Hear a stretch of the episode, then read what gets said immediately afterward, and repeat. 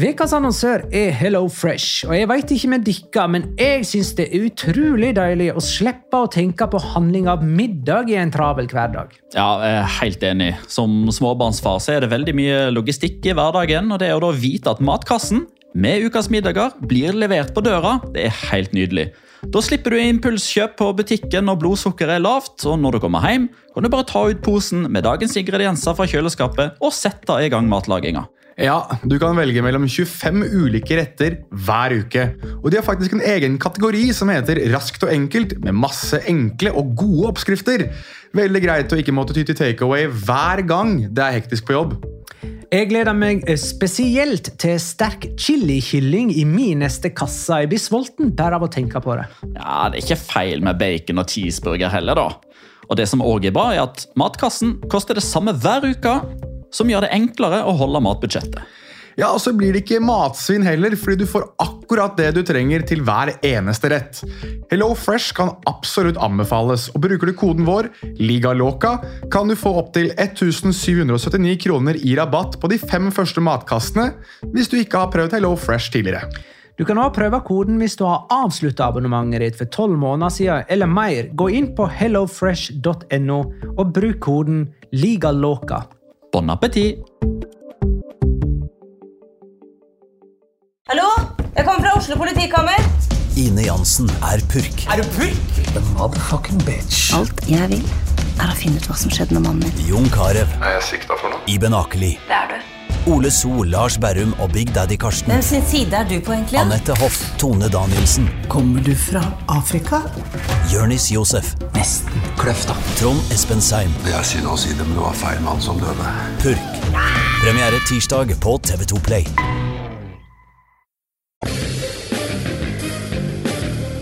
La liga loca. En litt gærnere fotball.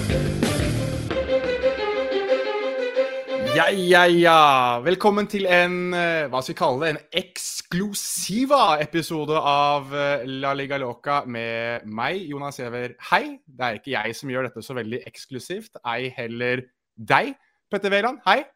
God dag. Vanligvis så er jo Magna Kvalvik den tredje personen vi har med i disse episodene. Og det gjør jo at de episodene som regel er ganske spesielle. Men på Carlos Carvalhal-vis så har vi byttet ut Magnar Kvalvik. Og på Carlos Carvalhal-vis så har vi byttet inn deg, Jørgen Strand Larsen. Velkommen. Takk for det. takk for det. Åssen eh, er det i Vigo i disse dager? Nei, Nå har jeg dratt ned persienna, men det er godt vær og fin kok, vil jeg si. Så mm, vi, vi jobber på, vi. Jeg må jo bare stille spørsmålet med en gang, Jørgen. Altså, jeg syns det har vært slitsomt å feire Celta Vigo sin eh, 100-årsdag på sosiale medier. Hvordan har det vært for deg, som faktisk har vært der nede? Ja, nei, Hvis du følger Celta Vigo på Instagram, så er det slitsomt, for der er det altså et mas ut av et annet like. altså, Men uh, det, det har vært litt ro, roligere in life. altså, så Det har vært en hyggeligere opplevelse um, som, som å liksom oppleve det. Det har vært eh, verre på sosiale medier, der koker det. men eh, det har egentlig vært eh, ganske fint. Det er mange som bryr seg om fotball i den byen her, så vi blir ganske satt liksom høyt på, på lista her. Så vi, vi får høre det når det går litt dårlig også. Nå i det siste når jeg ikke har eh, fått ballen i kassa, så merker man det litt. Men eh, det er en fin, eh, veldig fin klubb og en veldig fotballinteressert by, så mm, det trives jeg veldig godt med. Klarer du å bevege deg i gatene uten at folk stopper deg på hvert eneste gatehjørne for bilder og autografer og sånn, eller hvordan er det? Um, det, det blir egentlig litt verre og verre, selv om det er mindre og mindre mål. Så det er litt rart akkurat det der. For eh, jeg får veldig mye skryt for at jeg er god å jobbe på, og så er jeg lett gjenkjennelig, da, ikke sant. Så det gjør, det gjør ting litt verre. Det, er, det hjelper liksom ikke bare å ta på seg solbriller. Så det, når du ser på en på to meter, så vet du at han ikke er fra, ikke er fra Vigo, liksom. Så Nei, det, det er litt vanskelig akkurat det der. og Nå har jeg flytta inn til midten av sentrum også, så jeg kjenner litt mer på det nå. Men eh, jeg syns det bare er, eh, bare er gøy. Og det som er fint med spanjoler, er at de er veldig høflige også, så de, eh, de respekterer deg godt. Og det, det setter jeg pris på. Det er jo mange som har spurt, spurt om det for øvrig, litt hvordan det er med, med livet i, i Spania. Kan du kanskje si litt om hvordan Nå har du vært der et, år, og som du sier du har flyttet inn i byen. Hvordan, hvordan har du tatt til Spania så langt? Nei, Spania er eh, akkurat sånn som når man drar på ferie. Det er veldig deilig når uh, sola skinner. og kulturen og alt det her. Og jeg har vært mye på spanske ferier opp igjennom og på turer med landslag og sånn, så mm, det har egentlig passa meg veldig greit. Jeg er glad i det gode liv og, og på en måte leve, leve, fint utenom fotballen også, så jeg er veldig glad for at jeg har kommet meg til det. og og fotballmessig så har det vært en veldig fin overgang. Jeg tror fortsatt jeg har noen steg å ta før den neste overgangen skulle komme. I både eh, spilletid, mål, målpoeng og ikke minst utvikling jeg kan gjøre på banen. Men jeg synes det går i en stadig oppoverbakke, selv om det noen ganger går litt eh, ned. Da, så synes jeg, at det går, eh, synes at det går veldig fint. Så jeg har tilpassa meg veldig bra. Og så ikke minst lært meg språket så å si flytende, og det kan, det kan, jo hjelpe litt. Så jeg har tatt mye steg utafor banen som kan gjøre at jeg kanskje forhåpentligvis vil ta enda flere steg på banen i år. Og jeg syns egentlig vi har fått en god start også, selv om vi ikke har så, så mange poeng da ennå. Du, du, det har jo blitt nettsus denne sesongen, men dessverre ikke i så veldig mange minutter. Vi må jo nesten bare rive det plasteret av med en gang. Hvordan opplevde du den uh, annulleringa av skåringa mot Real Madrid? Nei, jeg skal ikke ljuge. Jeg hadde en dårlig følelse når jeg gikk og feira. Eh, jeg er veldig sånn, Dere har jo sett det før. Det kan fort være vikinghatt på huet, og det kan være av, nesten av med trøya, og det kan bli litt måte på. og så så har det vært litt sånn Ja, Jørgen har spilt jævlig bra, men sliter med å få målet inn, og det har begynt å bli litt mer sånn. og så er ikke jeg en sånn fyr som har tenkt så mye på det, men det ligger litt baki der. da, så Når den kom da bare susende mot meg, jeg bare kunne sette flikken på den, så kjente jeg at det var latterlig deilig. Men jeg klarte liksom ikke helt å få ut den 100% tenninga, for jeg visste i situasjonen forkant at jeg var litt for mye involvert. Men jeg, er jo Det er kanskje fordi det er mitt mål, men jeg synes jo det er veldig billig. Og det er ikke Jeg vet ikke om det hadde blitt endra om det hadde vært motsatt vei, om det var Bellingham som hadde dratt i trøya til, til, til vår keeper. Så det er, det er, kjedelig, men det er sånn fotballen er. Og stopper du bildet i VAR-situasjonen, så kan det se veldig stygt ut. Men i, i selve sekundene som går, så er det en veldig liten forseelse. Men ja, sånn er fotballen. Det er litt, litt, gøy å kunne spørre. Vi har jo hatt uh, Jørn Henland Skøyen. Først og fremst det har vært uh, uhorvelig mye spørsmål. Uh, og Da kan jeg jo bare lede inn på, på, det spørsmålet om du er ja eller nei til VAR. Og Da skjønner jeg jo at du kanskje svarer litt i affekt her, med tanke på at du akkurat var i en situasjon der VAR var litt tellende mot deg.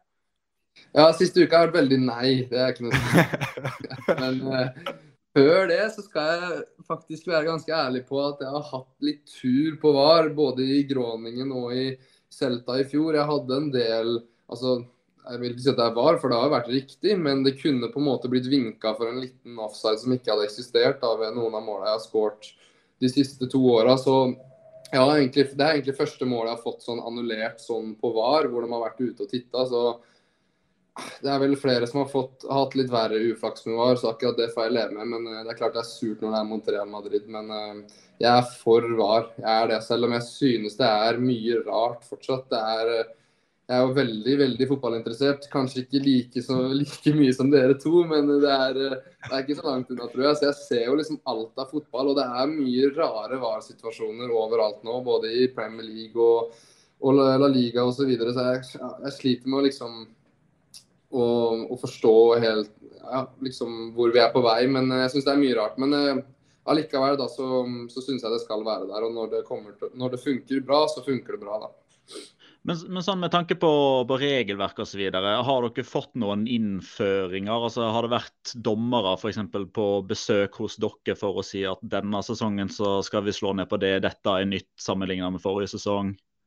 Eh, jeg tror det skal være det, og jeg lurer på om det kanskje kommer nå. Selv om det burde kanskje kommet i preseason når vi på en måte før vi er i gang. Jeg husker i Gråningen så, så kom de jo Det var jo første opplevelsen min med VAR, for jeg hadde to sesonger der. Og det var to sesonger med VAR, og der var de i preseason og fortalte oss liksom men der kunne det jo bli hens da, hvis du sto en halvmeter unna og bare dunka ballen opp i handa på en fyr. liksom også, Så det var litt andre tider for noen år siden. Men jeg synes jo at det kanskje mangler litt på det, sånn at vi spillerne kan være litt mer obs på det. da. Men uh, heldigvis er Rafa er en veldig sånn ja, han er opptatt av regler og de her eh, at ting skal være riktig. da, Så jeg har fått beskjed om at jeg ikke skal dra i trøya på keeperen. Så han var, han var, han var kanskje ikke helt happy når jeg får annullering der. Du ser det, Jeg vet ikke om de filma det, men jeg syns jeg så det på, på TV 2 der, at de filmet zooma inn på Rafa på måla. Det så ut som han ikke var, eh, var, helt klar for å juble ennå. Så kanskje, kanskje, han allerede hadde sett det. Så nei, det mangler kanskje litt på det, som du sier, litt innføring av, eh, av regler fra dommerne til oss. Men eh, hvis jeg husker riktig i fjor, så tror jeg de kom etter femte serierunde eller et eller annet og hadde et eller annet sånn seminar med oss. Så det, det kan hende at det skjer. Ja. Uh, jeg vil ta det litt i starten, hvis jeg kan det, Jørgen. For det er jo liksom Det skjedde jo veldig plutselig i fjor, den overgangen din til Celta Vigo. I hvert fall slik vi forsto det. Altså det Plutselig så var det snakk om at du var på vei, og at uh, du skulle til medisinsk undersøkelse. Kan du kanskje ta oss litt gjennom uh, overgangen til Celta. Altså, hvordan, hvordan, kom det hele i hop? Det eneste vi visste, var jo at du ville vekk fra, fra Groningen, og det var mye snakk om championship-klubber. Og plutselig så sto Celta Vigo der. Ja, nei. Det var en veldig tung sommer og en lang sommer. Det, jeg er jo egentlig en hyggelig og fin kar, men jeg tror kanskje utad så så det ut som at jeg var veldig sutrete og ikke klarte å oppføre meg. men det føltes veldig veldig urettferdig eh, sånn jeg ble behandla. Og det var på en måte ikke sånn man var enige om fra starten av i Gråningen. Altså, jeg visste at dette var en mulighet for meg som jeg måtte ta når det var så mye interesse, som du sier, fra championship-klubber, fra erediviseklubber som er bedre, fra mm, Serie A, fra La Liga. Det var mye som var involvert, men jeg ble liksom bare tvunget til å bli. Og det skaper jo en sånn følelse om at du du blir veldig sur og sånne ting. Så jeg hadde en veldig tung, tung sommer på akkurat det, og glad jeg kom meg gjennom det. For da har jeg sett hvor, hva jeg skal gjøre og hva jeg ikke skal gjøre til en eventuell neste situasjon. da. Men når først Celta Vigo dukka opp, så er det som du sier, det gikk veldig fort. For uh, jeg var vel egentlig veldig nære å gå til Middlesbrough først. Men før Celta Vigo kom eh, etter Middlesbrough, så var Salerniterna egentlig nesten sånn bukkefly ditt dit også. Så spiller blir lagkamerat med Botheim, egentlig. Så det var veldig mye som skjedde i løpet av kort dager. Og jeg tror grunnen til det er at det var um, altså det var slutten av markedet, og at spissene begynte å gå. Og det begynte å, liksom, å, å smelle litt. Og da vet du hvordan det er. Hvis man tar fra et sted, så må det fylles opp igjen. og da det begynte å, begynte å bli litt sånn de siste, siste uka i overgangsvinduet. da. Men uh, så ringte Celta, og de var veldig på at vi skal ha det. Og det var vel det ettårsdagen i dag, siden jeg, det ble klart. da. Det ble klart 30. august om noen timer. Så jeg husker jeg sto, husker jeg sto sånn kvart på tolv og hadde flybillett kvart over seks fra Amsterdam eller et eller annet. Jeg bare sto og jubla i dusjen og hadde på den beste musikken jeg klarte, for da var det liksom endelig gjort. Da, da husker jeg det var en skikkelig relief. og og klart å liksom komme meg gjennom en skikkelig tøff periode, så er det jo et luksusproblem. fordi det er jo klubber som vil ha deg på både sider. Gråningen vil beholde meg fordi jeg var god nok og fordi jeg var, jeg var flink og alt det her. Men, og andre klubber ville hente meg fordi de så potensialet. Mens allikevel så klarte jeg ikke å få den ene halvannen måneden i overgangsvinduet til å bli noe positivt. da. Det var bare en negativ sirkel og, og um, ikke noe hyggelig å være rundt meg den tida, tror jeg. Men, men Celta Vigo, altså, hva, hva, visste du om klubben da? Du sier at du er veldig fotballinteressert. Hvis noen da altså, Beskriv Celta Vigo før du skulle dra dit. Hva, hva, hva gikk gjennom hodet ditt da når du tenker Celta Vigo? Nummer én er jo soleklart Diago Aspas. Det er jo, jeg er jo, har fulgt med, mye med på Liverpool opp igjennom også. Og, og selv om det kanskje har sklidd litt vekk, selvfølgelig. Men uh, han var jo der, så jeg visste jo veldig godt hvem det var. Og søka litt det opp og fant ut at han var en mye større legende enn det jeg hadde trodd i Celta Vigo også. Jeg trodde kanskje han hadde vært på litt flere ferder enn hva han egentlig har vært òg, men eh, når jeg kommer dit, så sier han at han har vært 30 år i klubben snart. liksom. Er, det er jo helt sjukt. Så uh, han har hatt noen år der, da. Men uh, skal jeg være ærlig, så var ikke det så mye mer enn det. Det jeg visste om byen og sånn, var ting jeg ikke burde sagt. For i første, i første i mitt første intervju så klarer jeg å prestere å si at ja, hva vet du om Vigo? Nei, jeg liksom vet at det er en by da, som eh, er kjent for liksom at det kommer mye drugs inn gjennom, eh, hav, gjennom havna og sånn. Det er det jeg har hørt. Det har jeg hørt fra Vigo.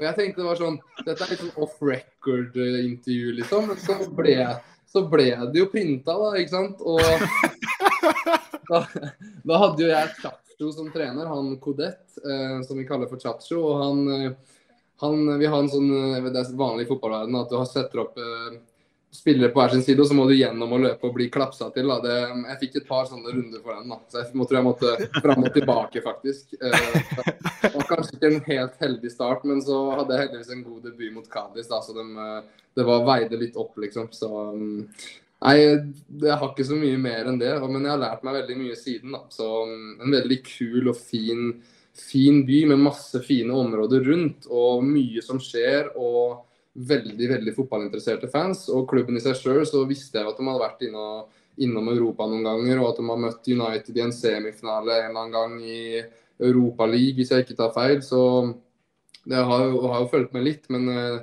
det var en klubb som ikke var høyt opp på lista av eh, hva jeg kunne mye om. ja.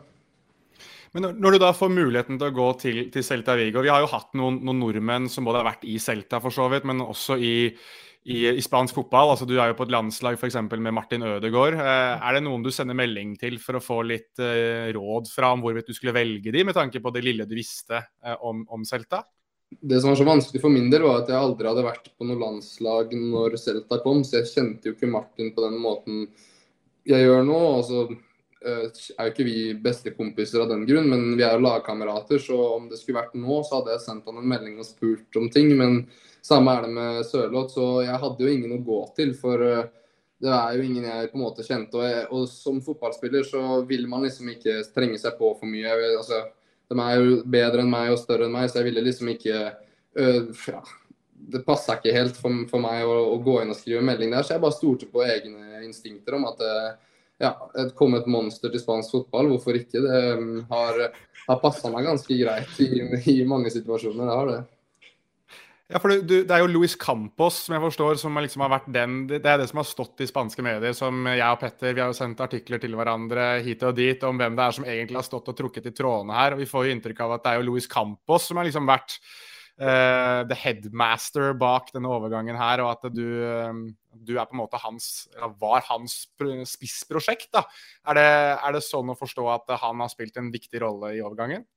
Ja, det vil jeg si. Han, Louis Luis Campos er jo en veldig veldig fin, eh, fin, mann. og Jeg husker han ringte meg Jeg var faktisk hjemme i, i Norge eh, mot slutten av avgangsvinduet, for vi hadde litt fridager i Groningen. Så jeg dro hjem, og da jeg, fikk jeg beskjed av Tore, da, som er min agent, at uh, det kommer til å ringe deg et nummer etterpå. Uh, søk opp Louis Campos, så skjønner du hvem det var. Men jeg visste jo allerede hvem Louis Campos var. visste jo hvem Louis Campos var, da. Men uh, fortsatt da, så fikk jeg bakoversveis. Jeg husker jeg satt på toget av alle steder. For hjemme i Norge har jeg ikke bil, og skulle flytte meg fra en, et sted til et annet. Og satt på toget, og så ringer, ringer Louis Campos inn på engelsk der med masse folk rundt. Da føler du deg ikke, du føler deg ikke så kul egentlig da. Så det var en spesiell førstesamtale, men jeg fikk et veldig godt inntrykk om at dette var noe de hadde snufsa på lenge, og at det passa veldig bra for dem akkurat nå. og og han beklaga for at de hadde venta så lenge, på en måte, for de ville gjerne gjøre det tidligere. Men jeg tror det er litt sånn det blir når du er en litt sånn middelsklubb i de topp fem-ligaene. Du må på en måte vente litt mot slutten av vinduet for å på en måte ikke pushe opp en pris for høyt også. Det var mye av Middlesbrough sin grunn til at de stoppa også, for de ville ikke være med å pushe opp prisen på, på meg. da. Så mm, Det var litt taktikken deres. da, Det gjorde meg litt vondt at det tok så lang tid for, for dem til å komme på banen. men det jeg fikk ut av Louis Campos, var at det var en veldig stor interesse, og at de ser en stor framtid der. Og jeg skal ikke ljuge, det det har, ikke vært den beste sesongen for meg med målpoeng, men jeg har lært utrolig mye på det her eh, året jeg har fått. Og med tre trenere og litt av hvert, så har vi liksom klart å har liksom klart å sette meg inn i det spanske kulturen allikevel. Så jeg synes det har vært et veldig fint år, og jeg er veldig klar for å på en måte bygge videre på det i år. da. Du er jo inne på det, Jørgen. Tre trenere nå i løpet av eh, et år. Eh, og nå er det Rafa Benitez, som du, som du vel kjente til som ganske ung, for han var vel Liverpool-trener. Og du var vel Liverpool-supporter da du var liten, har jeg hørt. Hvordan er det å spille for han nå? Nei, det stemmer. Um, faren min er jo kjempe-Liverpool-supporter, så jeg har, har liksom ikke har ikke hatt noe valg siden det, men uh, det er klart når du blir proff sjøl, så er det Du sklir litt bort, men uh, det ligger jo alltid der, da. Så uh, ikke at jeg husker at Rafa Benitez vant Champions League-finalen i 2005, men jeg husker jo selvfølgelig at han har vært i Liverpool. Og det er jo surrealistisk. Det er ganske sjukt.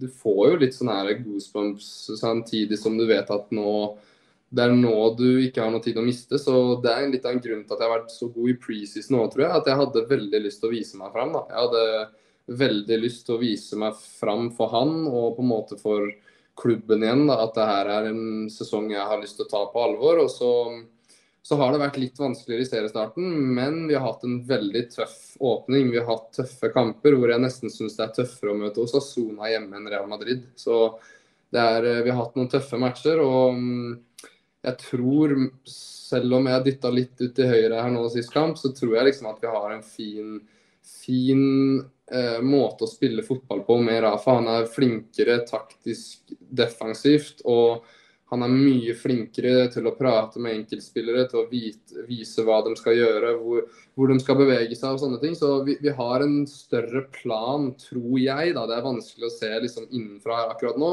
enn vi hadde i fjor under både, begge trenerne i fjor. da. Så jeg tror, jeg tror, og håper at dette kan bli et veldig bra år for Celta. da. Mm, det er jo, altså, du har jo nå hatt tre veldig ulike personligheter også som trenere, virker det som. altså sånn Basert på det lille vi ser i intervjusoner og hvordan de er som typer. Og også tre ulike nasjonaliteter, for så vidt òg. En argentiner, en portugiser og en spanjol. Mm. Eh, hvordan skiller du de tre trenerne sånn i man management, og hvordan du selv relaterer til dem? Altså, det er mange som har spurt, bl.a. Medie Alexander lurer veldig på hvordan Benitez er som trener. Eh, så hvordan, hvordan skiller du de tre? Jeg kan starte med Benitez. da. Jeg synes jo, altså Nå har jeg vært veldig fornøyd egentlig med alle tre, sånn for så vidt. Men det er ikke noe tvil om at jeg synes Benitez har det beste å komme med. Både som lagmessig, men ikke minst person til person. Han er veldig flink én og én. Jeg tror jeg liksom kunne havna i en elevator med han i ti timer uten at det skulle blitt rart. ikke sant? For da hadde vi Han hadde stått og peka hvor jeg skulle løpt i bakrommet. Han, liksom han er veldig på. da, og han han kommer med enkle, men riktige ting, som alt fra hvordan du skal ta imot ballen, da, til hvordan du kan skåre mål på en enklere måte. Det er masse ting jeg har lært bare allerede nå, som jeg tror jeg kommer til å ta med meg når det kanskje blir litt lettere kamper og man kan få litt mer confidence og litt sånn. Og øh, han har jo litt større erfaring også enn de to andre, selvfølgelig, på det største nivået. Så det er ikke rart at han kommer inn med denne kvaliteten, da. Men øh, veldig hardt hardtarbeidende trener. Altså vi trener veldig mye. Vi trener hardt og vi trener mye. og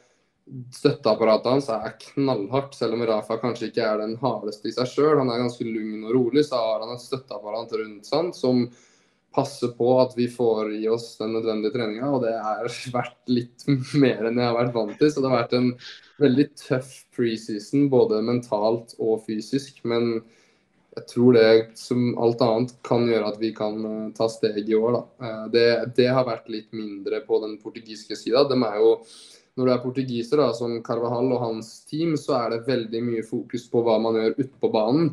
Uh, det er litt sånn, kanskje ikke alle, men det er litt portugisisk tenking. At du gjør ikke så mye i gymmen eller løping rundt banen eller sånne ting. Du jobber mer på det som skjer på feltet. da, så vi kunne vi kunne ha to timers lange økter hvor vi jobba med hva som skjer på banen, men ikke så mye om hvordan på en måte kroppen er da, og hvordan vi skal bli sterkere og kjappere og litt sånne ting. Så ganske to forskjellige trenere for så vidt. Og Carvahal var veldig glad i rene spissbytter etter 60 minutter og litt sånne ting. Og det er jo ikke, eh, det er jo ikke spiss spisser i seg sjøl så glad i. og det er, det er, litt vanskelig når det er tre spisser som kjemper om én plass, da, sånn som i fjor, hvor vi har meg selv, Seferovic og Paciencia som fighter om én plass, fordi Aspas sin plass selvfølgelig er hans. Da er det vanskelig å på en måte ikke gå inn i kampen og være redd for å bli bytta ut. Og du går inn i kampen med en tanke om at hvis jeg ikke skårer innen de første 45 minuttene, så er jeg i fare til å bli bytta i pausa. Og det er ikke noen gøy feeling å ha. Eh, men den feelingen har jeg ikke fått med Benitez ennå. Litt fordi vi kanskje ikke har hatt dekning på spiss før nå. Og i tillegg til at jeg har vært god i preseason, som har gjort at jeg har fått litt ekstra minutter. Også selvfølgelig kommer minutter med prestasjoner også, så hvis måla begynner å renne inn, så er det ikke mulig at jeg plutselig står 90 minutter i mange kamper framover heller. Mm. Du, du, nevner det jo sjøl her. Altså, det, det, ble jo ei greie underveis, eh, spesielt rundt eh, si, jul og nyttår forrige sesong, at hvis man, hvis man satte seg ned for å se en Celta Vigo-kamp for å se Jørgen Sand Larsen, og den starta klokka 16.00, så kunne du legge andre planer for 17.15, fordi du ble bytta ut etter en time uansett. Ja. Eh, men altså, nå har jo ikke Benitez åpenbart den, den samme tankegangen, da, men, men hvordan, hvordan, tenker du? Hva går gjennom kroppen din når du da ser at Celta Vigo kjøper Tassos Dovikas, som kommer da som toppskårer fra Eredivise? Ser du på det som OK, kjempebra, sunn konkurranse, vi pusher hverandre, eller er det sånn uh-oh? Ah, det er en, alltid en blanda følelse. Som eh, fotballspiller vil du alltid være alene i plassen din, men jeg vet hvordan ting funker. og jeg tror liksom ikke Celta har noe tid å tape i år, fordi de har tre spisser nå, som er meg, som fortsatt er et litt uforløst potensial. De har en uh, kong Aspas som begynner å dra på åra. Han, han, har holdt ut bra i preseason og de første kampene, men du så jo det i fjor også. Etter mars og landskampene mot Norge, så var ikke han seg sjøl, og det var han ikke på trening heller. Han hadde vondt i ryggen i, i, tre måneder, og han klarte liksom så vidt å stå opp, liksom. Så det, det, er, det, er, kanskje greit at vi får inn en som har, har litt mer eh, Ja, som er litt ung, sånn som meg, og har eh, kan bruke et første år på å komme litt i gang også, så håper man jo selvfølgelig at han gjør det bra. Men det, man vil jo gjøre det bra best sjøl, så jeg håper at han gjør det bra, men at jeg gjør det enda bedre. og Det er jo litt eh, sunnheten med konkurranse. og Jeg snakka litt med Benitez om det òg, at vi, det er viktig for laget at vi har en sunn konkurranse. De henta inn en stopper i, i, forrige uke også, Starfelt, som har vært veldig bra. og Det gir jo også en konkurranse på på stoppeplass. Og det er bra med konkurranse litt uh, forskjellige steder. Det gjør at man er litt mer på på trening, og kanskje gjør uh, ting litt riktigere i hverdagen også, da, fordi du er så opptatt av å på en måte kunne vise deg fram når det gjelder. da. Det er, jo verdt å ta med her. Du snakker om at Aspas sliter litt og har slitt siden han møtte Norge. og da, Jeg vet at Petter sitter og gliser av det, men det er jo fordi Petter eh, var jo faktisk på spansk TV, der han hyllet at Spania endelig hadde tatt ut Jago Aspas på det spanske landslaget etter at han ikke hadde vært med på en del år, holdt jeg på å si. Og etter det så har vel Jago Aspas knapt scora og hatt ryggproblemer, så du kan jo nesten takke Petter for at du snart bare har eh, holdt på å si klippekort på den posisjonen når han forlater klubben? Ja, nei, det var bra jinxa deg det, da. Det var det. Um, takk for det for oss også, for vi hadde trengt, vi hadde trengt at han at han kanskje banka inn noen flere mål i slutten av sesongen i fjor òg. Det, det slutta jo Veiga å gjøre også, så steppa jeg opp en liten periode der. Men um, som sagt, da, hvis det ikke blir mål innen 60 eller 45, så måtte man jo ut uansett. Så det var ikke alle kamper man kunne vise seg fram. Men, uh, men det jeg har lagt bak meg, det, er, det som er fint med det, er at når jeg har hatt så mange trenere nå opp gjennom min proffkarriere siden jeg var 15 år, så lærer jeg litt om hvordan personer er og hvordan man skal være rundt ulike trenere og oppføre seg rundt trenere som er en som tar av deg til 60, en som gir deg 90 minutter. Det er forskjellige knagger å spille på og forskjellige måter å trene på. så Det er jo en fordel med det at jeg har møtt Carvahall også, som har gjort meg til en bedre spiller på mange måter, men også til å forstå at det finnes trenere som er veldig glad i det her freshe 60-minuttersbyttet, hvor man på en måte skal ha piggebein. og da, da vet jeg det til en annen gang at da, da, kan jeg håndtere det på en annen måte. Selv om det er frustrerende å ha det. Så så må man liksom det.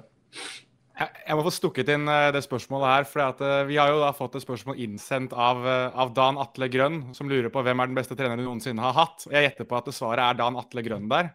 Ja, jeg må, nesten, jeg må jo nesten gjøre det. da. Nei, det er ikke noen tvil. Jeg, det, mm, hvis du ser utenfra de som er profftrenere, så er det ikke noen tvil. Altså, det blir vanskelig å konkurrere med Rafa Benitez, tror jeg. Men, eh, men eh, Dan Atle Grønn og jeg har, har, hatt veldig mange fine timer på Sarpsborg stadion hvor vi har stått og preppa. Og jeg tror mye av grunnen til at jeg på en måte vanligvis er så trygg rundt boks og så trygg på å skåre mål og vet hvor måla måla skåres, er fordi vi har jobba utallige timer og på en måte tatt steg der. Så han, han, er veldig dyktig. Så håper jeg kanskje at jeg får en økt han snart igjen, så jeg kan uh, få trøkka inn ballen på nytt igjen. Det er ikke sikkert det, det kan være det som, det som trengs. Ikke sant.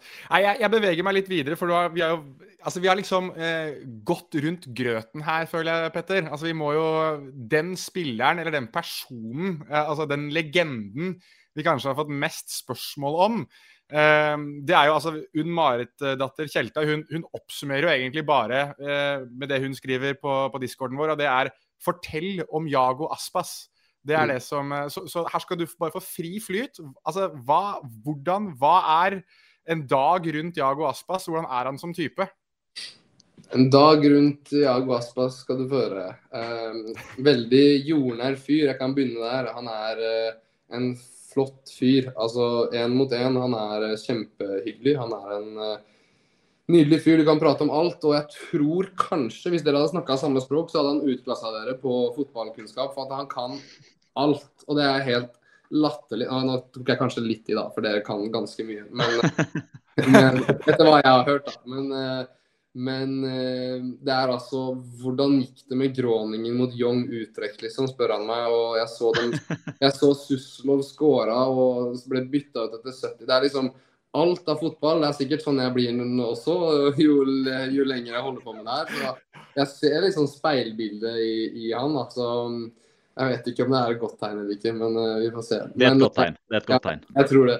Så han er veldig fotballinteressert og veldig opptatt av det. og Han er veldig flink til å prate med folk. og Nå har han jo blitt kaptein i klubben også. Han har vært visekaptein i mange år, men jeg synes han kler den kaptein, kapteinrollen utenfor banen spesielt, da, hvor han er veldig flink til å ta inn nye mennesker og bli kjent med dem og prate med dem og kødde med dem. Og han er en veldig kødden fyr. Han har vært i et fotballmiljø siden han var eh, ja, veldig veldig ung på Celta sitt A-lag, og da blir det litt banter. og Han er ganske god på det, og han er flink til, å, å komme med jokes som gjør at stemningen kan bli, bli, hyggeligere i vanskelige situasjoner, eller komme med de riktige taktiske avgjørelsene når vi trenger det og sånne ting. og Det ser kanskje ikke alle som bare ser på kampen utenfra, selvfølgelig, men vi som opplever det, vi vet hvor viktig Jago Asmas er, selv om han er også en luring som eh, ofte er glad i å filme en ekstra gang eller klage på dommeren eller sånne ting, men det, er, det kommer med den spanske kulturen. Så uh, alt i alt er han en veldig flott fyr. Og um, vi har blitt litt bedre kjent med han, um, vi som kom det siste året også. For han har jo hatt en film her hvor man på en måte sett på hele hans liv. Og vi var og så på det nå for noen måneder siden. Så var det en stor premiere om filmen til Jago Aspas som handla om da hans oppvekst og byen Celta Vigo og sånne ting, hvor vi fikk sett litt i dybden på Jago Aspa. Så nå var det på spansk, men jeg fikk fortsatt med meg store deler av hva som skjedde. Og det viser bare også hva, hva slags helt han er i den byen her, da, og hva han stiller opp på. Eh, både på en måte med å signere autografer, men også på ting som skjer i byen ved eh, ved konserter og ved andre ting som er liksom viktig for byen, så plutselig så dukker han opp for å vise fjes og sånne ting. og han er, han er veldig glad i byen sin. og han, Vi har snakka litt om Saudi-Arabia, han sier at han aldri hadde bytta ut Vigo. Så får vi se om det, så får vi se om det, om det stemmer til neste år, når han kanskje, kanskje ikke orker å spille mer fotball og tjene litt mer penger. Men uh, skal jeg være helt ærlig, så er han en helt uh, fantastisk fyr, og jeg håper at han klarer å holde et helt år til nå. At han kanskje kan servere meg enda litt mer i år. Det hadde vært deilig. Men du, du, legger jo opp eh, til neste spørsmål her. Det er veldig fint. Altså, dette er et beggerslag, og så skal jeg bare smashe det inn nå. Uh, Gabriel Veiga skulle liksom bli det nye Jago Aspas, men han velger å dra til Saudi-Arabia. Ja. Hva tenker du om det? Akkurat det der er så vanskelig, for uh, man skal være forsiktig med hva man si sier. Uh, men så klart, når et sånt tilbud kommer, så, så, er det altså så vanskelig å si nei, da. Så jeg forstår det. og jeg tror Gabri Veiga Jeg har prata mye med han, og han, vi har blitt gode kompiser. og han har ikke vært seg sjøl hele preseason. Han, trengte, han hadde en Jørgen-periode i Groningen hvor han trengte å komme seg ut. Det hadde ikke vært godt for han å være et år til i Vigo nå, for da hadde han sett dårlig ut. og Så det var riktig for han å gå nå. Men jeg tror nesten det bare ble sånn at han ikke hadde noe valg lenger enn på en måte å gå dit. Og så er det selvfølgelig en totalpakke. og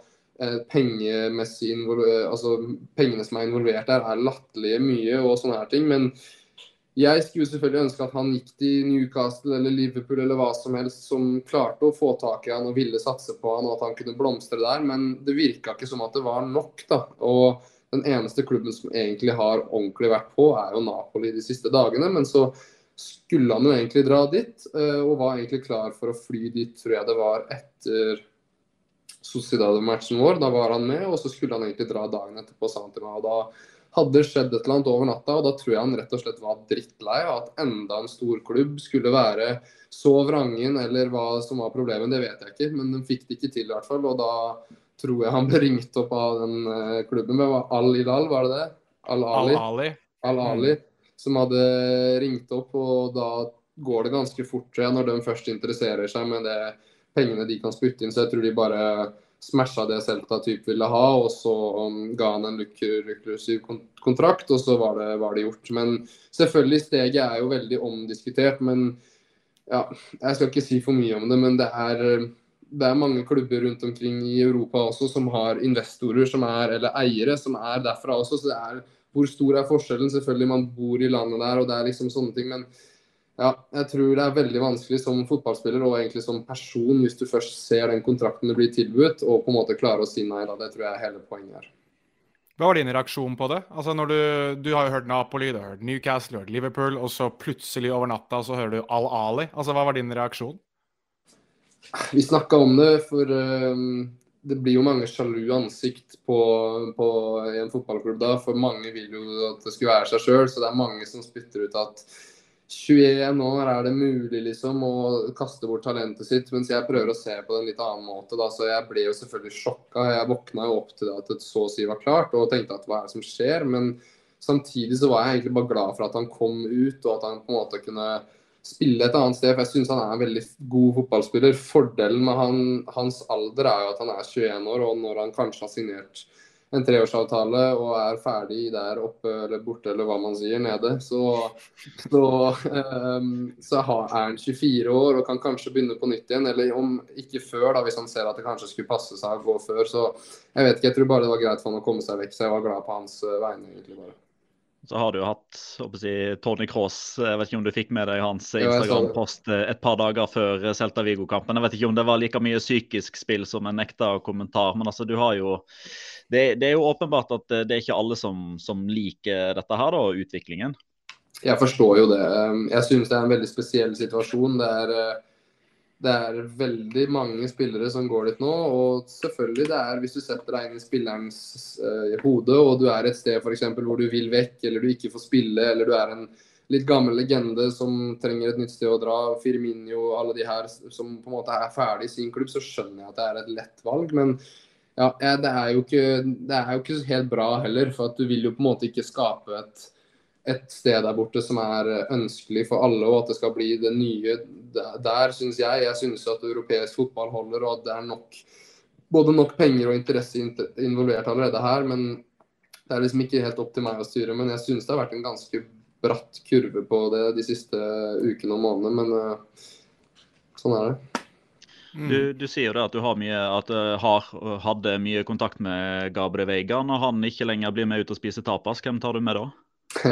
Jeg har tapasrestaurant eh, rett under her, så jeg har en eh, jeg har svenske kompisen min som bor rett borti gata. Så å bli han, og da, så skal jeg satse på at han blir like god, sånn at jeg kan eh, besøke han i Sør-Arabia også. For det, det har Gabriel det har Veiga lova meg, at jeg skal at hvis jeg har litt fri, så skal jeg komme og besøke han, selv om det, det skjer jo aldri. Men nei, det hadde vært gøy, da. Men er, det, men er det Viljot Svedberg? For det er en del som lurer på du, hva du egentlig gjør på fritiden. Jonas Kjøsen Lindgren spør om liv i Vigo, hva gjør du på fritiden? Det er eh, Anders Grønborg Greve spør hvem i troppen bruker du mest tid sammen med utenfor banen. Ah, vi skulle da hilse fra en dansk celtista, eh, så da har du fått den hilsen fra han. Eh, liv i Vigo, fritiden, hvem henger du mest med? Det er jo jeg er, jeg er, veldig åpen fyr og lett å bli kjent med. Altså jeg henger litt med alt og alle når jeg først er på trening, men selvfølgelig når du er utafor trening, så blir det ofte de Det blir jo ofte en gjeng som er utenlandsgjengen som henger litt. Det, er, det har ikke vært så mange av dem egentlig, men vi begynner å fylle oss litt på nå. så det har egentlig vært mest meg og Svedberg og Dilla Torre og den her gjengen som prater engelsk, for da går samtalen litt, uh, litt nicere på, på, ut, uh, på, restaurantene. Men uh, på den spanske sida har jeg blitt best kjent med Mingueza og Núñez baki der, som er veldig fine folk. Og jeg har vært mye sammen med utafor banen også, men det er jo selvfølgelig mest når du kan snakke svensk så, og norsk sammen, så er det lett at man henger mye sammen. Så vi har hengt veldig mye og blitt veldig gode kompiser. og ja, For å svare på hva jeg gjør på fritida, så gjør man alt fra å sitte inne som vanlige folk og se på TV, til å spille, play, til å spille PlayStation, til å, å, gå ut og titte litt. Det er liksom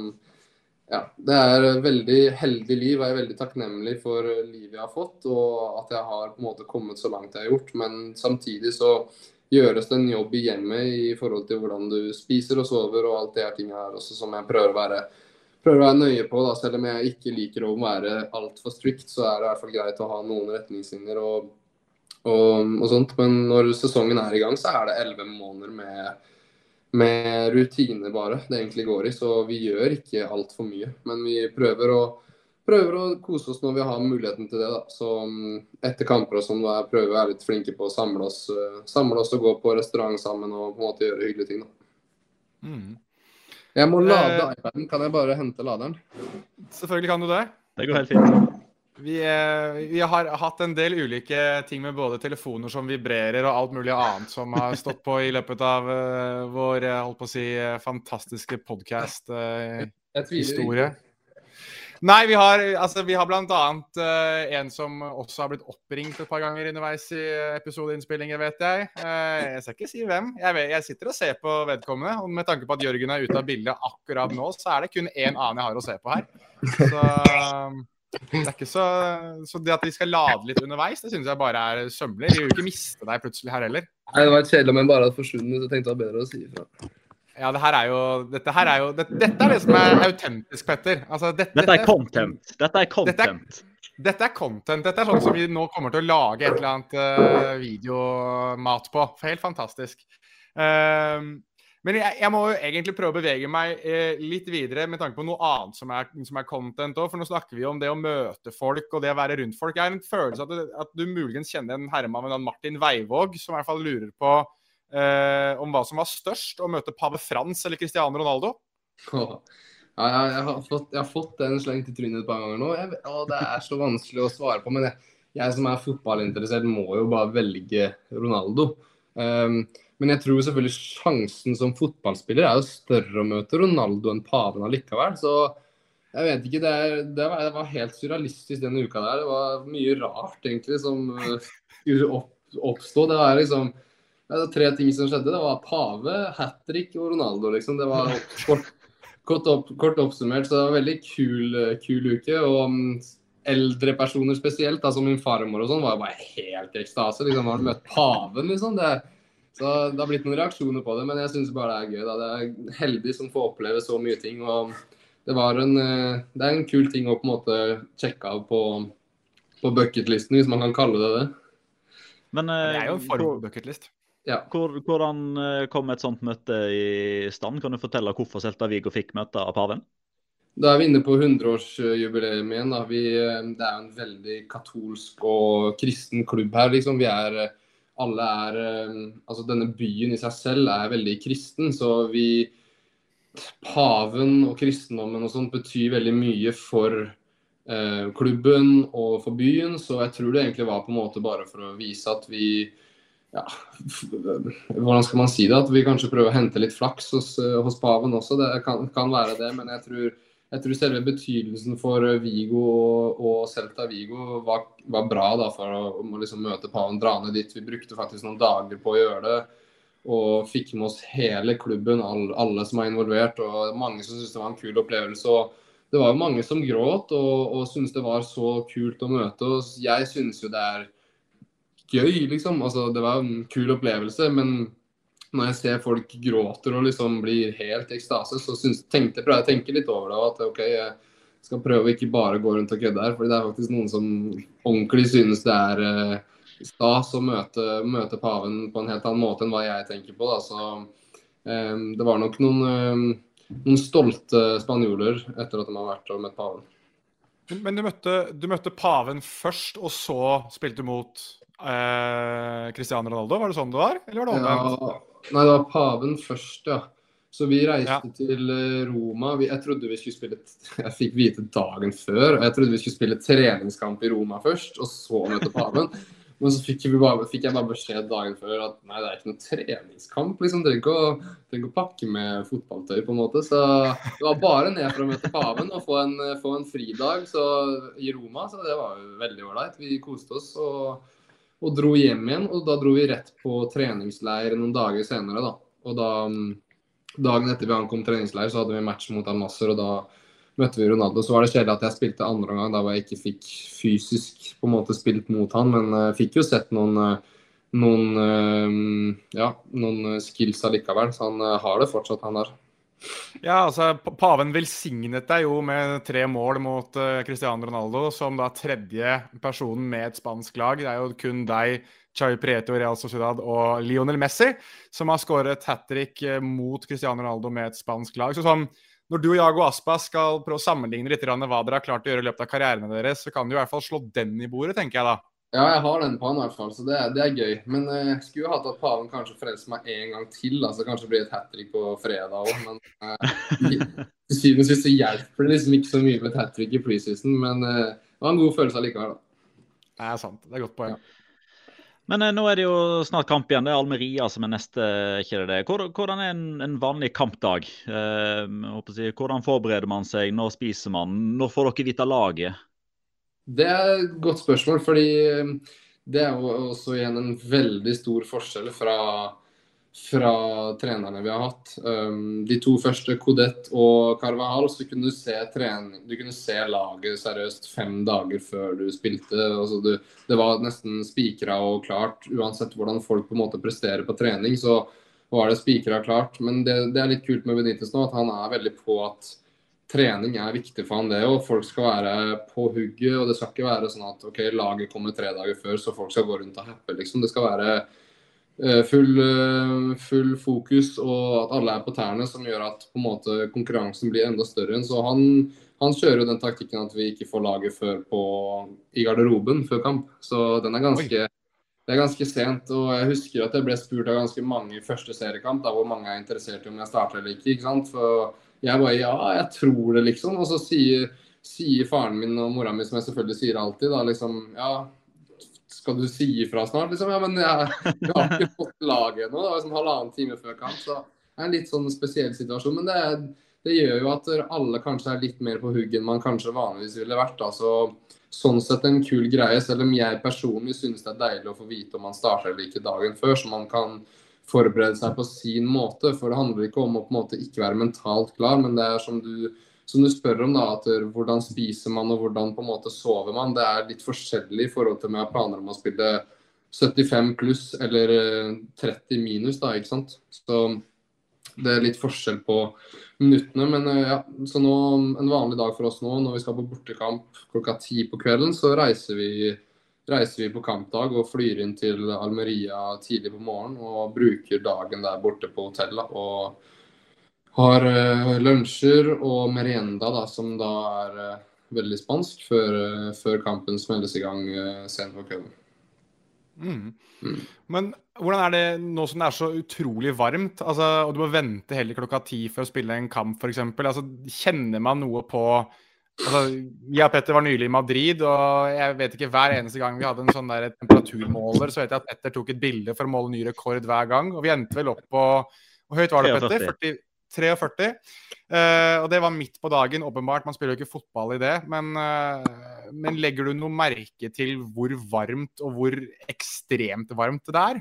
Absolutt. Det er uh, helt jævlig, skal jeg si det. Det er skikkelig skikkelig tungt å spille fotball i en sånn varme. Er, um, de to første kampene vi hadde, så trodde jeg nesten at jeg skulle døve. nesten, Og det var i Vigo, Vigo og San Sebastian, så da kan du tenke deg hvordan det er å spille i Madrid. Så jeg er egentlig ganske glad for at kampen er klokka ti. For uh, det gjør at en nordmann som meg, som ikke er så vant til varmen helt ennå fortsatt, at jeg kan jeg kan spille når det er litt skygge og det er blitt litt kaldt på kvelden. Så det hjelper meg egentlig ganske bra. Det Jeg merka det spesielt sist mot Real, at jeg hadde mye mer sprut i beina og energi enn jeg hadde i de to første kampene. Og det tror jeg har mye med å gjøre at tidspunktet rett og slett er annerledes. For det blir veldig varmt midt på dagen. og det er liksom det, er 27, var 27 grader i begge to første kampene, og det fins jo selvfølgelig varmere, men når du på en måte springer alt du kan, og opp og ned, og kriger og duellerer og alt sånn, og du i tillegg får den sola stekende i panna, da, da svettes det godt. Så um, man kan merke veldig stor forskjell på akkurat det.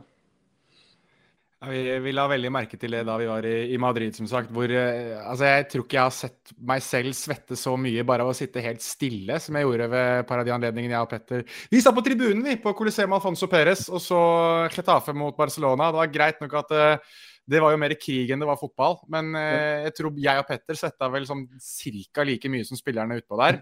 Um, men det, det, leder meg jo litt over på når vi er inne på spillere og svette. Er, er, det noen spillere som får deg til å svette mer enn andre? Det er jo veldig mange som lurer på, da. Eh, F.eks. Ørjan D spør hvilken stopper slash forsvarsspiller i La Liga har det vært vanskeligst å møte til nå. Mens Julius Ferrer spør hvilke La Liga-spillere har utmerket seg spesielt for deg, og hvem, hvem som har imponert deg.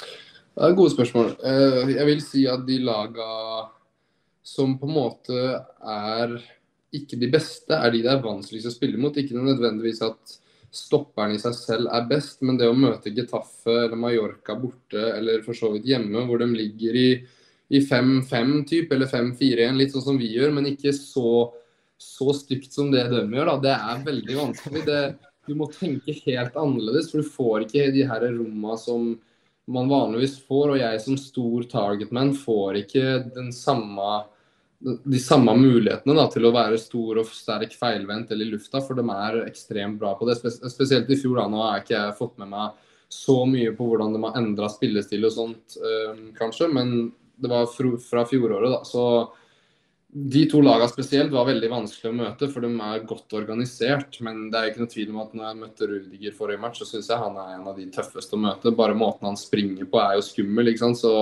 det, det er ikke rart at jeg skjøt den ballen over. At når han nærmer seg meg Jeg ble jo livredd sikkert.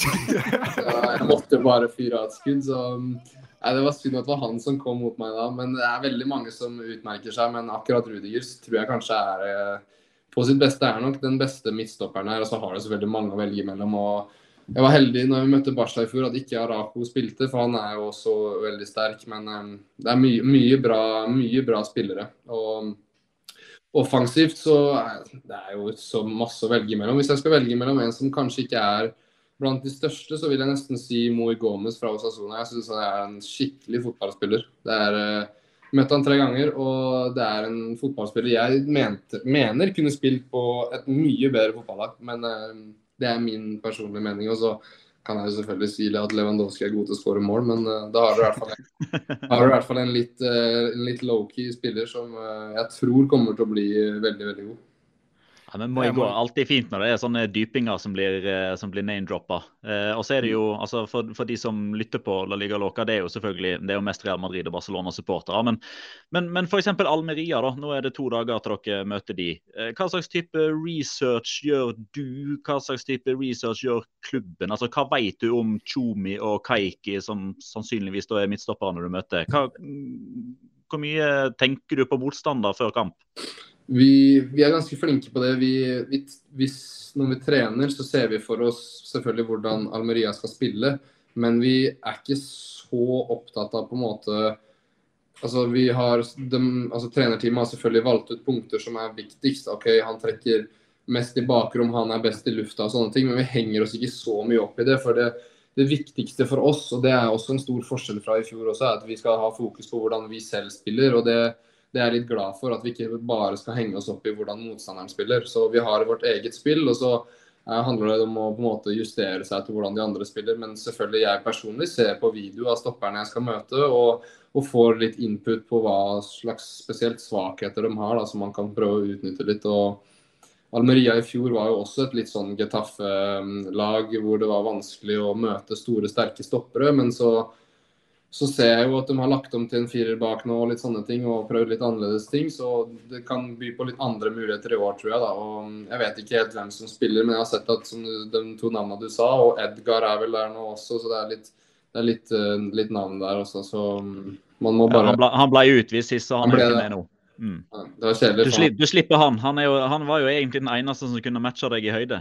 Ja, han kan matche meg i høyde, men jeg husker jeg hadde god kontroll mot han hjemme mot Betis. Jeg hadde egentlig håpa han skulle spille, men uh, da får jeg, får jeg, nøye meg med de to andre. Men uh, mens uh, vi får dagen før og sånn, så begynner vi først med video. Så vi bruker liksom ikke hele uka på å overtenke det. Så um, de var ganske flinke på det at vi ikke, ikke går inn i kampmodus for tidlig. Da. Det tror jeg er ganske viktig. Mm.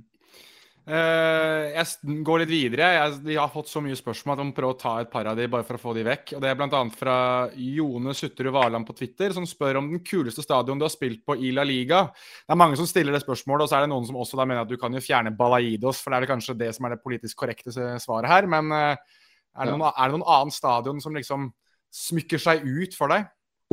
Ja, selvfølgelig. Det er mye kule stadioner. Og så blir det jo vanskelig å komme utenom de to største klubbene vi har. Det er det ikke noe tvil om. Men hvis jeg skal gå utenom dem, så vil jeg si Atletico Madrid og Bilbao sin stadion. Det syns jeg var to veldig kule opplevelser. Eh, og så var det selvfølgelig gøy å spille på Camp Nou og Bernabeu, hvor det er liksom det man har drømt om siden man er liten kid. Så det blir liksom vanskelig å unngå dem to. Og en god kamp jeg hadde i Barcelona også, så det var en god opplevelse. Men selve atmosfæren og stadion i seg sjøl, eh, til Atletico Bilbao spesielt, syns jeg var en skikkelig sånn kul opplevelse. Det var nye, ny stadion og flott pakka inn og masse folk og piping. Og det var liksom en skikkelig sånn deilig bortekampfølelse. Så det, det syns jeg var ordentlig gøy.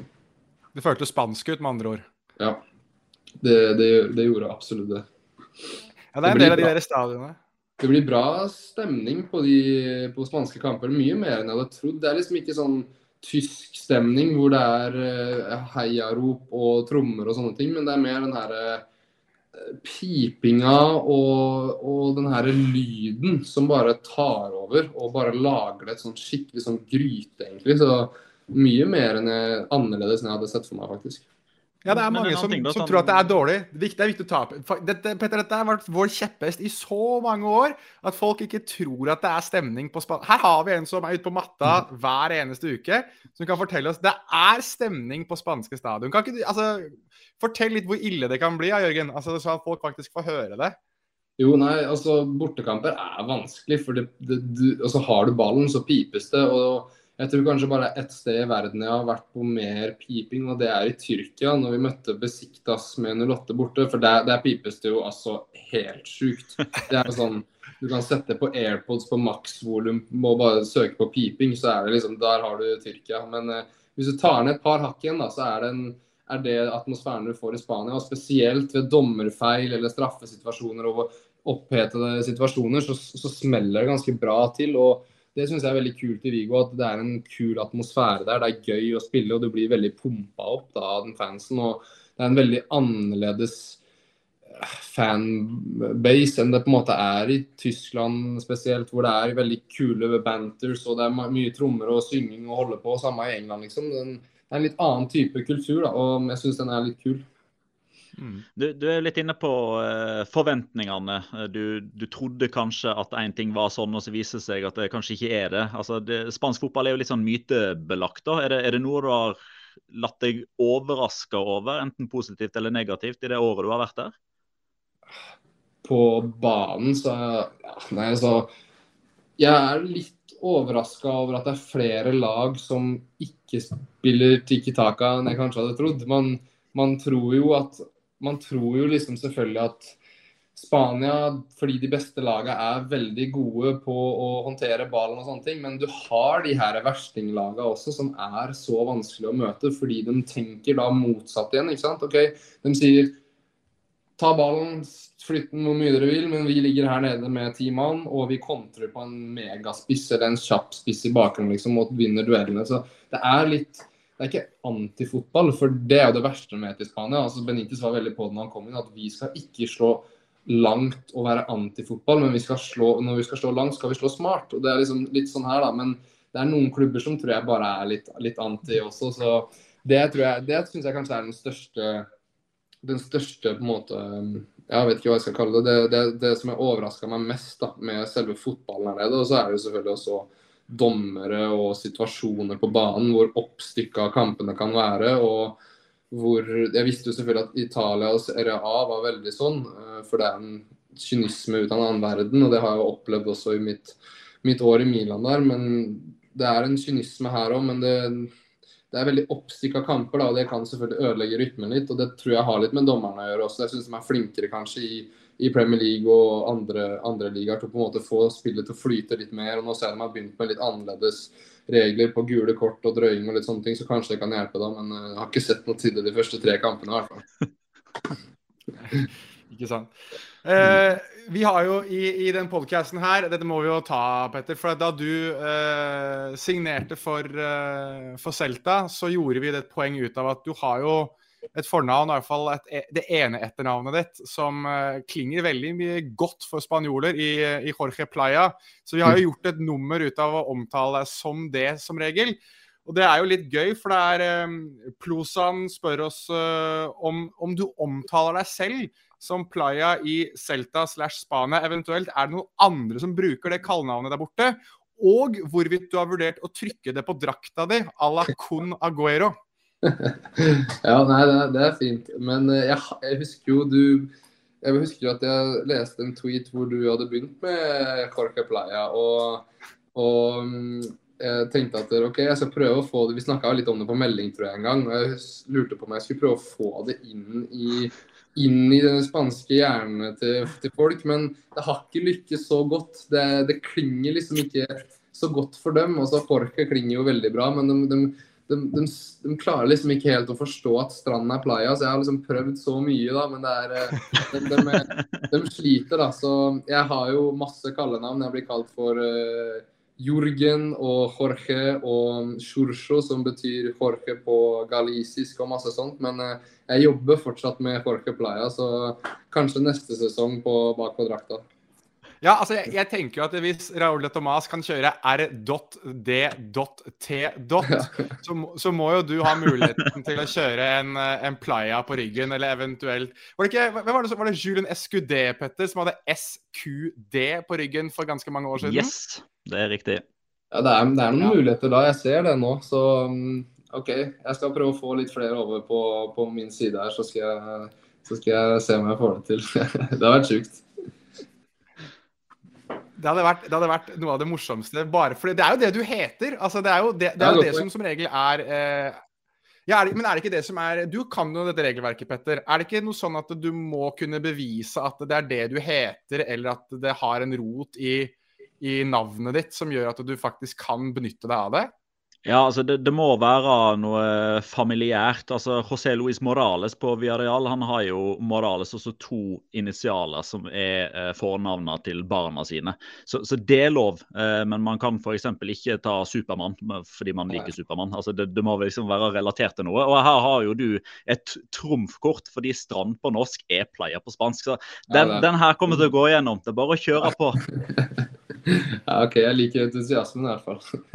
ja, hvis vi skal eh, vi kommer, altså Selv om spanjolene ikke er helt på det riktige ennå, så kommer ikke vi til å gi det opp. Altså, det, det, dette her er, det, er, den fjelltoppen vi har valgt å dø på, Jørgen. Og det må vi bare så, Sånn er det bare blitt. Jeg liker det. Eh, avslutningsvis, kanskje. Eh, jeg vet ikke, Petter. Hadde, har vi noe på tampen her, eller? Vet ikke om du, eh, om du hadde noen spørsmål? Fått, uh, jeg har fått svar på alt jeg lurer på, jeg. Uh, jeg vil bare Det er Hva blir det nå? 53 timer igjen av overgangsmarkedet. Vi leser noen Frankfurt-rykter. altså Har vi lyst til å bare prelle det bort for de selger Kolomoani, så er ditt navn nevnt? Kan du bare bekrefte? Kan du, kan du sørge for at pulsen vår synker litt? Du skal ikke dit nå, sant? Nei, jeg skal ikke det. Um, så vet man aldri hva som skjer i fotball, men uh, dette overgangsvinduet så er jeg veldig klar for å bli her og kjempe om uh, plassen. Og forhåpentligvis få tilbake spissplassen, for nå er dytta litt, litt ut til høyre, en annen type rolle her. Men det funka veldig bra mot Real og kom egentlig til mye mer sjanser enn jeg har gjort på lenge. Så hvis det fortsetter å funke og kanskje sjansene blir omgjort til, til mål, så kan det hende at det det er vår suksessfaktor for i år. Men eh, jeg har planer om å nei, overbevise litt Motbevise litt over litt hva som skjedde i fjor. For eh, en fin startsesong og en eh, grei gjennomkjøring. Men jeg har litt lyst til å vise meg fram på en annen måte i år. Så da må jeg jo fortsette å være i Celta Vigo. Det siste, det siste, jeg lurer på da, Jørgen, for at en av de tingene vi gjerne begynner Nå husker jeg ikke tallene våre i farta, Petter, men vi hadde jo eh, et antall på hvor mange vi trodde Jørgen skulle score. Jeg tror, tror du hadde Jeg tror du hadde ni, og jeg tror jeg var oppe på 13. Og så tror jeg kanskje Magna var midt mellom oss to på 11. Uh, jeg tror jeg har satt 13 på både Jørgen og Alexander Sørloth. Så um, jeg er litt nysgjerrig på om Nå blir det litt sånn kamp håper jeg, for Jørgensen del. At, han, at, at, det går en faen i ham at Petter bare har hatt ham på ni. Så Har du noe mål, eller, Jørgen? Jeg skal i hvert fall over ti nå, det er ikke noen tvil om. Så jeg skal, da skal han få høre det også. så... Det er, ikke noe, det er ikke noen tvil om, men nei, jeg synes det er veldig greit. Det er vanskelig å komme til sjanser og mål, og mål i Celta Vigo. Det er, men eh, det er gøy å konkurrere mot Sørloth. så Det er spennende at du har satt oss på like tall her. så jeg får prøve å... Det hadde vært gøy om jeg hadde slått både Sørloth og deg, Petter. Da hadde det vært gøy. Da, da hadde jeg hatt en fin sesong. Så mm, det er synd at de allerede begynt å ta vekk målene mine. så flaks for Støre. Ja, men det, jeg har det i bakhodet. vet du, At det er spanske ja. dommere med markeringsbordet som har lyst til å annullere skåringer. Så du har kanskje 15, men du har tatt vekk 6, liksom? Det, det ja, greit. det er helt riktig. Men da er det greit. Men eh, da skal vi satse på at vi er over, over 10 i hvert fall, så blir det bra. Det, det, vi skal det... gjøre, vet du, vi pleier, Petter, vi pleier, jo, vi pleier jo alltid å ha tippekonkurranse. Nå lager jeg en tippekonkurranse mellom deg og Jørgen. Vi må finne på en straff til Jørgen eventuelt også. Men hvis Jørgen går over ti skåringer, så skal vi få deg, når Jørgen er hjemme i, i, Norge, så skal vi få deg til å dra til Sarpsborg. Og så skal Jørgen få lov til å kjøre deg gjennom en treningsøkt så hardt som bare overhodet oh. mulig. Eh, så skal vi passe ja, på at det, det, skal jeg gjøre i ei Celta-drakt med playa på ryggen. Ja, bra. Så når jeg har kommet over ti, så bestiller jeg en Playa-drakt, og så tar jeg den med til Norge. Så da vet du det. Nydelig. nydelig. Sånn, der har, vi, der har vi veddemålet. Å, det er så deilig at jeg er ute av veddemålsgreiene i år. At nå er det mellom Petter og Jørgen. Og dette her kommer til å være føljetongen i alle episoder framover. Så da, du kan, ja, da vet du det. Nå må jeg rett og se på video av Maria her, for nå skal faen meg skåres på fredag. Altså. det begynner på fredag, bare så du vet det. Ja, det gjør det. det gjør det. Jeg håper du vinner, bare sånn det er sagt. Ja, ja, men jeg vet du gjør det. Men uh, det må gjøres allikevel. Nei, jeg, jeg, det er ingen som kommer til å fryde seg mer enn Tro du meg, i disse dager hvor man skal lage content Tro du meg om jeg skal stå og filme og live-tweete og alt mulig av Petter eh, som hesebleser rundt på Sarpsborg stadion der. Det, ing, ingenting hadde gledet meg mer. Ehm, men, eh, men Jørgen, det har vært uh, helt fortreffelig å få en time med deg og få høre om hvordan uh, livet er i, i, Vigo, og egentlig om absolutt det som er. Så vi må bare takke deg så ærbødig for tiden, og så ønsker vi masse, masse lykke til allerede på fredag. Og selvfølgelig også gjennom sesongen så skal vi prøve å få kommet oss en tur til, til Vigo, så vi faktisk får sett deg i ringside også. Det hadde jo vært det aller morsomste. Ja, Dere er veldig velkomne hit. Det er bare å si ifra. Så mm, skal jeg prøve å ha ti mål før det. Det hadde vært gøy. Så kan vi ta treningsøkta her nede isteden. Kjøre, kjøre doggies på, uh, på treningsfeltet? Hvis, hvis jeg får med Rafa Benitez i tillegg, så tror jeg han kjører deg ganske greit. altså, ja, nei, jeg kjenner eh, du må, ikke, du må ikke si sånn, eh, Jørgen. Jeg blir, jeg blir, så overilt når jeg hører at jeg potensielt kan klare å få Petter til å bli trent av Rafa Benitez. Det men da, da, har vi i hvert fall en deal på det. Vi har det, vi har det. Det blir klasse. Takk for at jeg fikk være med. Tusen takk. Du, vi snakkes snart, Jørgen. Takk skal du ha. Vi snakkes. Ha det. Ha det godt. Eh, til dere som lytter, så setter vi pris på at du lytter, kjære lytter. Ha det, da.